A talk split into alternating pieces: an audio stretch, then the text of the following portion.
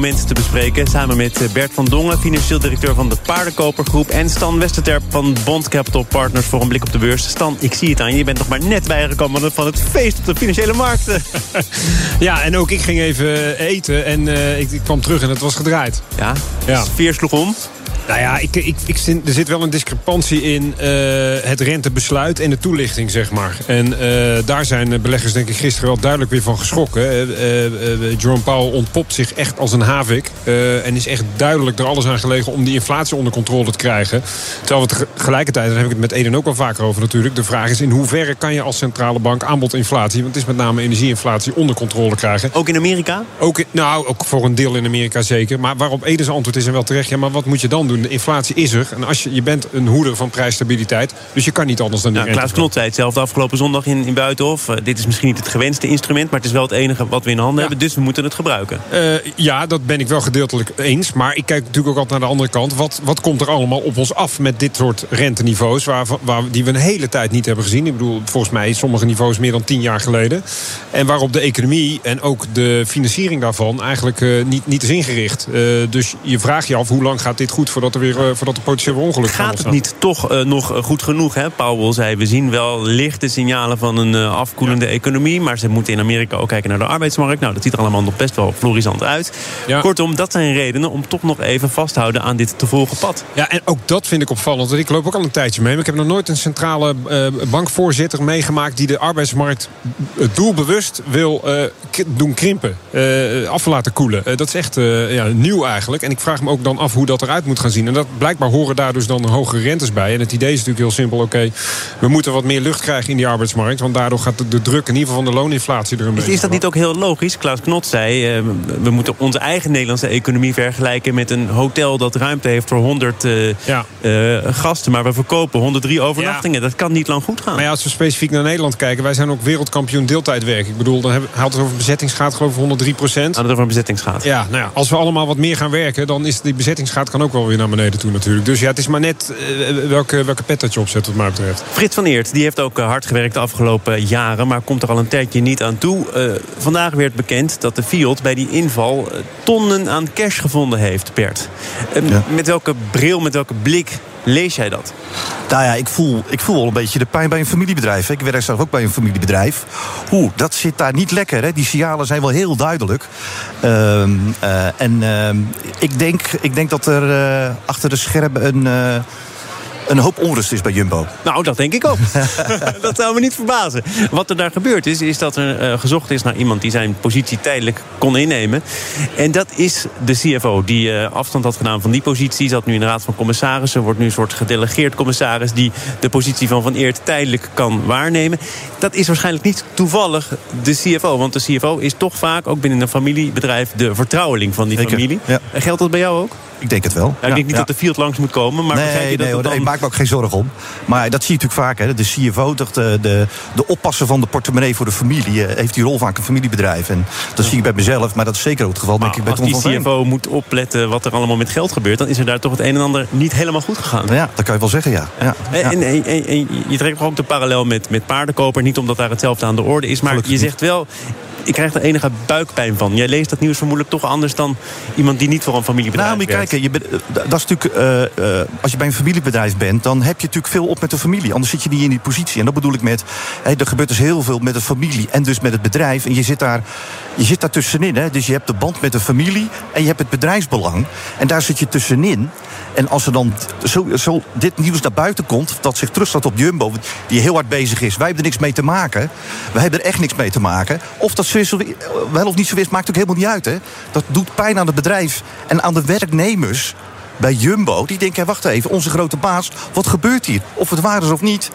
Dat, dat bedoel ik met de pijn die ik voel. Maar en wat er hier gebeurt, kan dat nou... Uh zeg ik, alleen maar bij een familiebedrijf... en pertinent niet bij een beursgenoteerd bedrijf? Nee, natuurlijk niet. Ik denk alleen de consequenties anders zijn.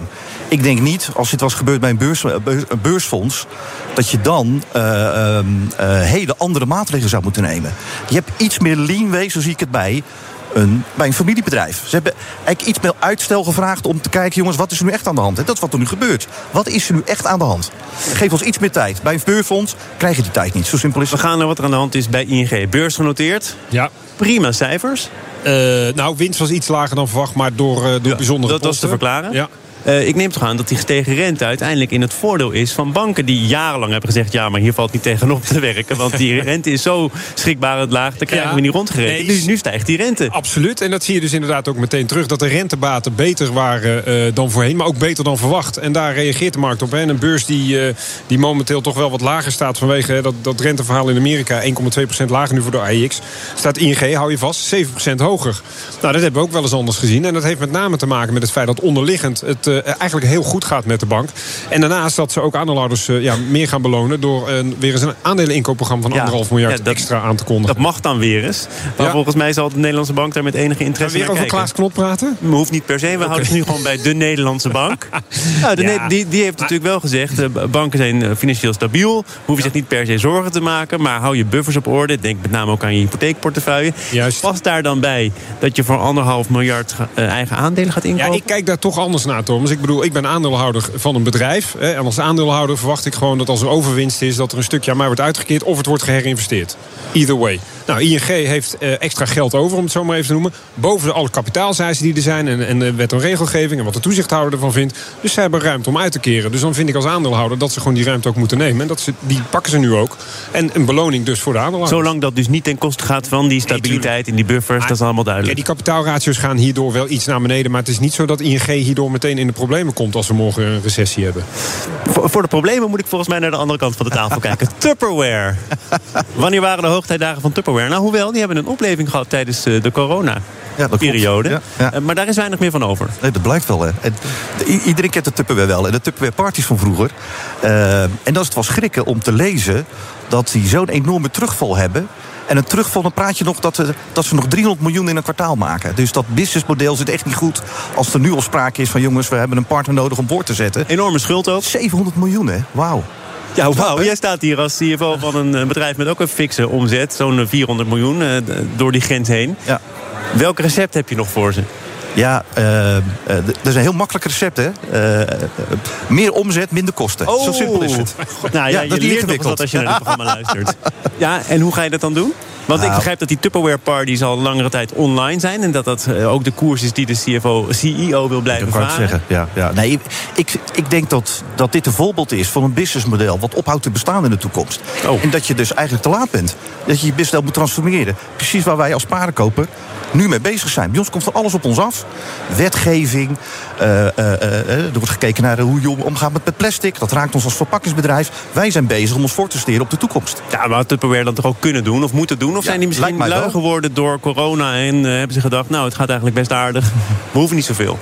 Ja, dat is een beetje lastig om bij Tupperware binnen te kijken. Maar ehm, het lijkt erop dat ze te laat zijn, hè, is de conclusie als ik zo even naar de cijfers kijk. Daar moeten we denk ik heel eerlijk in zijn. Over wat er op bedrijven afkomt, wetgeving wordt hier genoemd. Geldt ook voor bouwbedrijven. Zeker sinds eh, ze gisteren te maken hebben gehad met die Portos-uitspraak. Het feit dat die vrijstelling van de baan is. Dat ook het kabinet zich nu aan de eigen opgestelde regels moet gaan houden. Dat raakt bouwbedrijven. En het vraagt dus ook om een verklaring van beursgenoteerde bedrijven. Nou, we hadden het net al even over uh, Jumbo en, en, de, inval van de Fiat natuurlijk. Bij BAM is er ook een inval uh, van, van, door de Fiat geweest. Hè? BAM International specifiek. Het, het, onderdeel dat ze al meer dan een jaar geleden eigenlijk eh, ja, de deuren van gesloten hebben. Maar komt nu toch als een boemerang terug. En daarnaast inderdaad die uitspraak van de Raad van State gisteren. Nou kwam BAM vanochtend met cijfers. Zou ik denken, uitgelezen kans om daar eens even dieper op in te gaan. En we denken dat ze erover gecommuniceerd hebben. Nou, aan je toon maak ik een beetje op dat het uh, bijzonder weinig is. Bijzonder weinig. Ja, en dat vind ik toch wel vreemd. We kwamen net tot de conclusie dat bij een beursgenoteerd bedrijf... eigenlijk de dynamiek anders zou moeten zijn dan bij een familiebedrijf ik vind als beursgenoteerd bedrijf moet je, ook al weet je het niet precies... geef gewoon aan wat je wel weet en, en toon transparantie erin. Zeker bij bouwbedrijven waar in het verleden al zo vaak dingen mis zijn. Maar kun jij niet ook tot de conclusie komen dat het voor BAM een uitspraak is met verregaande gevolgen? Ja. Bouw in Nederland heeft gezegd het is dramatisch. Nederland gaat op slot. Tuurlijk. We moeten nu voor ieder project weer opnieuw gaan kijken of het wel door mag gaan. Dat kun je toch als aandeelhouder ook wel verzinnen? Zeker, maar ik kwantificeer dat. Of als dat niet gaat kwalificeren dan in ieder geval. Praat er even over en laat even weten hoe je daarin staat. En ja, wat voor gevolgen dat potentieel zou kunnen hebben. Neem ons even mee in het gedachtegoed van het bestuur, zeg maar. Ehm, en dat is uitgebleven. Kijk, dat de, koers ging meteen omlaag samen met Heijmans gisteren. Ja, dat is vrij logisch. Want wij kunnen ook al uh, ja, aanvoelen komen dat dit natuurlijk niet goed is voor bouwondernemingen.